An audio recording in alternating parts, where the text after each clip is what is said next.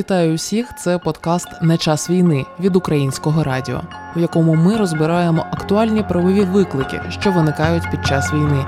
Вони можуть стати вам у нагоді. Вітаю всіх! Мене звати Ірина Славінська, і ця розмова сьогодні в нашому ефірі. Доволі особлива. Ми поговоримо про культуру самозахисту, і це така собі буде просвітницька розмова про те, як право та його інструменти можуть вас захистити. У таких екстремальних обставинах, які маємо сьогодні, в обставинах уже понад восьмирічної війни в Україні і початку повномасштабного вторгнення Росії в Україну. З нами на зв'язку адвокатка проекту Юрфем Підтримка Тамара Бугаєць, і ми будемо говорити сьогодні про насправді дуже непросту, навіть суто емоційну тему. Будемо говорити про дітей е, як постраждалих від насильства під час війни. Будемо говорити зокрема і про сексуальне насильство. І от е, вам, Тамаро, поставлю перше запитання, можливо, дещо наївне, але все ж таки, які виклики для безпеки дітей створює ось цей воєнний контекст, ну крім бомб і обстрілів, звичайно, які падають просто на голову. Е, напевно, я відповім, що виклики це так само пов'язані з відчуттям безпеки, е, відчуттям себе в безпечному місці, тому що діти вимушено змінюють місце свого проживання, діти орієнтуються на дорослих, е, які їх оточують, і вони, напевно, так само зчитують емоції, той страх і відчай які відчувають їх е, батьки в зв'язку з тими е, з війною, яка триває у нас в Україні, і безумовно це впливає на їх психологічний стан. Напевно, так. А якщо поговорити про царину таку більш е, прикладну поруч із психологічною, адже в контексті війни існують і суто побутові небезпечні ситуації. Дитина може загубитися, е, кудись побігти, будучи неляканою, так або, наприклад, батьки можуть десь пропасти. В укритті діти і дорослі перебувають разом. і Часто це не дуже між собою знайомі люди. В дорозі так само, якщо дитину, наприклад, вивозять з тимчасово окупованих територіях на території підконтрольній Україні, є ризик теж зіштовхнутися ну з ким завгодно, часто з абсолютно незнайомими і будемо сподіватися добронеміреними людьми. Ось цей контекст контексті ви, як адвокатка, як розглядаєте, він може бути небезпечний для дитини у воєнний час? Однозначно, він може бути небезпечним і він є, тому що всі вже ті перелічені вами процеси вони можуть бути травмуючими для дитини, якщо дитини чітко не роз'яснювати, не пояснювати доступною мовою, для чого це потрібно, навіщо, як це буде відбуватись. На жаль, те, от що я бачу, не завжди да, таке право на інформування, воно забезпечується дитині, а це надважливо насправді, тому що коли ми обізнані, хоча б е, Е, ну, більш-менш е, те, що буде з нами відбуватись найближчим часом, це безумовно трошки надає нам можливість розпоряджатись тим простором, який навколо нас, і, на жаль, по відношенню до дітей е, це суцільно ігнорується, як на мене, і не забезпечується. Вже відбувається можливо якесь реагування да по факту, коли щось сталося погане, але про от такі речі, які є так само важливі для дитини для повне інформування її зрозумілою їй мовою, підбираючи безумовно слова і орієнтуючись на потреби дитини. Але у дітей є потреба в е, інформуванні так само, як і у дорослих. Ну, от я впевнена, що нашу розмову слухають і чоловіки, і жінки, в яких є діти або онуки, чи, можливо, племінники, племінниці. Що ви, як адвокатка, рекомендували би пояснити, розповісти дитині сьогодні, аби можливо краще себе захистити? От які ваші поради юридичні, але такі прикладні, побутові. Напевно, можливо, складно передбачити всі ситуації, в яких може опинитись дитина, але однозначно з дитиною треба проговорювати ті певні її дії, які вона має вчинити, якщо сталася та чи інша ситуація. Що дитина загубилась, та що вона має зробити, куди вона має звернутися, кому вона має подзвонити. Це те, що не спілкуватися е, в жодному разі з е, незнайомими людьми, коли ну, зупиняється, до прикладу, машина і щось питається дорослими у дітей, треба бігти насправді е, в протилежному напрямку, тому що є таке загальне правило, що е, дорослі, особливо ті, які яких дитина не знає, вони не питають якоїсь допомоги у дитини. Да? Вони не просять допомоги у дитині. Це вже такий може бути маркер небезпеки. І, на жаль, дітям про це ніхто не розказує. Я навіть інколи знаю ситуацію, коли культивується да, отака чемна поведінка, навпаки, з особливо з незнайомими але насправді тут мають бути чітко дитині проговорення, що їй робити і куди звертатись. І е, якщо дитина в неї вже є власний мобільний телефон, е, які телефони вона може набрати і кому подзвонити і попросити по допомогу. Це мають бути телефони, ну таких собі довірених дорослих. Якщо не батьки, то це може е, бути бабуся, дідусь, мамина подруга, сусідка. Однозначно, да. Ну в тому числі і це може бути і телефон е, національної поліції. Я впевнена, що діти, особливо вже е, шкільного віку, вони можуть бути і мають бути обізнані, е, знати цей номер, подзвонити і повідомити про ту якусь ситуацію, яка для них от вони вважають її загрозливою або потребують якоїсь допомоги. І тут, напевно, варто роз'яснити, що в національній поліції, якщо подзвонити 102, то дитину там вислухають, правда, не будуть вимагати передай слухавку комусь дорослому і не дзвони сюди більше. Так, поступово відношення до дзвінків е, від дітей воно змінюється, і наразі я можу сказати, те ті випадки, які знаю я, вони е, е, однозначно є реагування і відбудеться реагування, і випадок перевіриться, і дитину буде однозначно вислухано і буде реакція. Тому е, моя порада це дзвонити 102 і звертатися. Так само те, що ви проговорили, це телефони дорослих, е, найближчих, і, можливо, домовитись з дітьми якесь таке кодове слово, яке дитина промовляє, або кодове запитання, яке дитина промовляє, і дорослий розуміє, що от якась небезпечна ситуація. Це може бути будь-що там, як е, е, себе почуває там мій песик, назвати ім'я. Хоча в реалії да, цього песика не існує, але це кодове таке кодове запитання, яке говорить про те, що дитина тут перебуває в якійсь такій ситуації і потребує допомоги. І ще теж таке уточнювальне запитання на цю ж тему: чи мають право розмовляти з дітьми військові?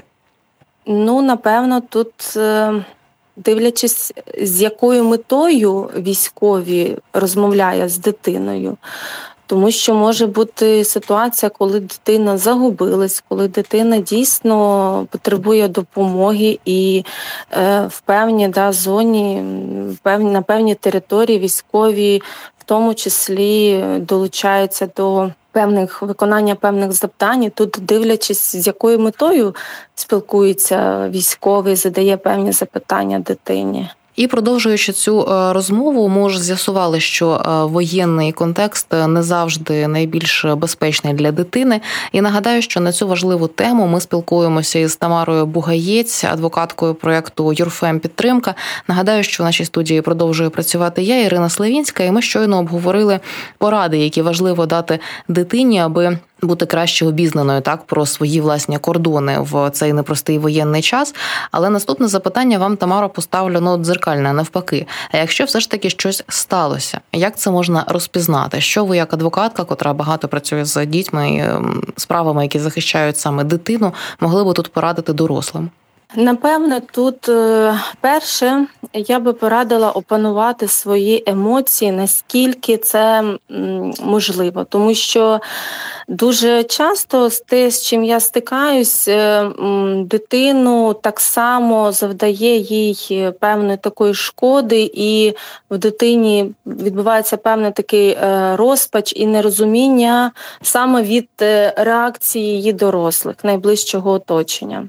Тому що коли дійсно стало щось погане з дитиною, вона потребує, е, е, щоб е, найближче її оточення зрозуміло, не винило, не карало, не говорило, що чому ти там так зробив, чи зробила, пішла, чи пішов туди, не перекладало в жодному разі провину, не шукало винуватих. І дуже часто батьки вони на емоціях, да, це як захисна така реакція, вона спрацьовує, і тут вибух просто може бути емоцій, і це так само дуже сильно а, шкодить дитині і так само завдає їй а, травматизації певної психологічної. І це лякає дитину і можливо, дитина трошки або повідомила певну якусь частину інформації, і, е, бачачи таку реакцію найближчого оточення, вона починає думати: ну, напевно, те, що зі мною і там відбулось, про це я буду мовчати, тому що вже є така реакція. Тому тут однозначно потрібно в першочергово опанувати свої емоції.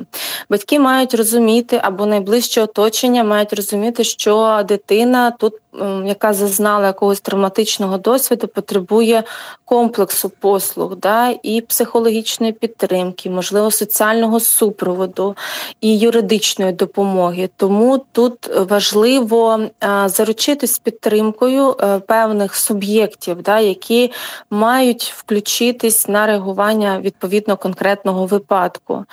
І тут ем, щодо допомоги, координації, допомоги дитині підтримки, то тут е, має е, включитись і відпрацювати служба в справах дітей. Ну а якщо якісь юридичні питання, якщо Є підстави для порушення тої чи іншої справи, необхідно однозначно звертатись а, до правоохоронних органів, повідомляти. Але тут ми розуміємо, що з того моменту, коли дитина набуває певного процесуального статусу, в неї має бути так само власний юридичний е, представник, е, який е, допоможе реалізувати дитині право бути почутою, право на ефективну участь і в цілому да, захист прав дитини конкретні ситуації. Тому тут е, однозначно батьки мають попіклуватись і в тому, щоб дитина мала власного адвоката або адвокатку, які будуть представляти її інтереси. І тут має бути комплекс е, однозначно послуг надані дитині одночасно. Ну це все звучить дуже складно. Ми я за мить розпитаю, як саме можна шукати такого представника. Але оскільки ми на початку нашої розмови вже згадали як про окрему тему е, саме сексуальне насильство, то запитаю наскільки в цей е, час у даному воєнному контексті імовірним ризиком є сексуальне насильство проти дитини. На жаль, є війна в цілому. Ми знаємо, на жаль, дуже багато випадків, коли діти страждають від сексуального насильства пов'язане з конфліктом, але на жаль, е, війна напевно стає і тим каталізатором, коли збільшуються в цілому випадки насильства, в тому числі сексуального, те, що не пов'язано з е, війною, да, на жаль, діти е, страждають, як страждали, так і я думаю, що збільшились ці випадки, коли діти страждають від сексуального насильства в цілому. Це пов'язано з тим, що, наприклад, на тимчасово непідконтрольних територіях набагато складніше українським правоохоронцям, м'яко кажучи, складніше забезпечувати безпеку цивільного населення. Чи які ще причини? А якщо ми говоримо про окуповані території, так на жаль, ці випадки, вони е, реагування я маю на увазі на ці випадки надскладне.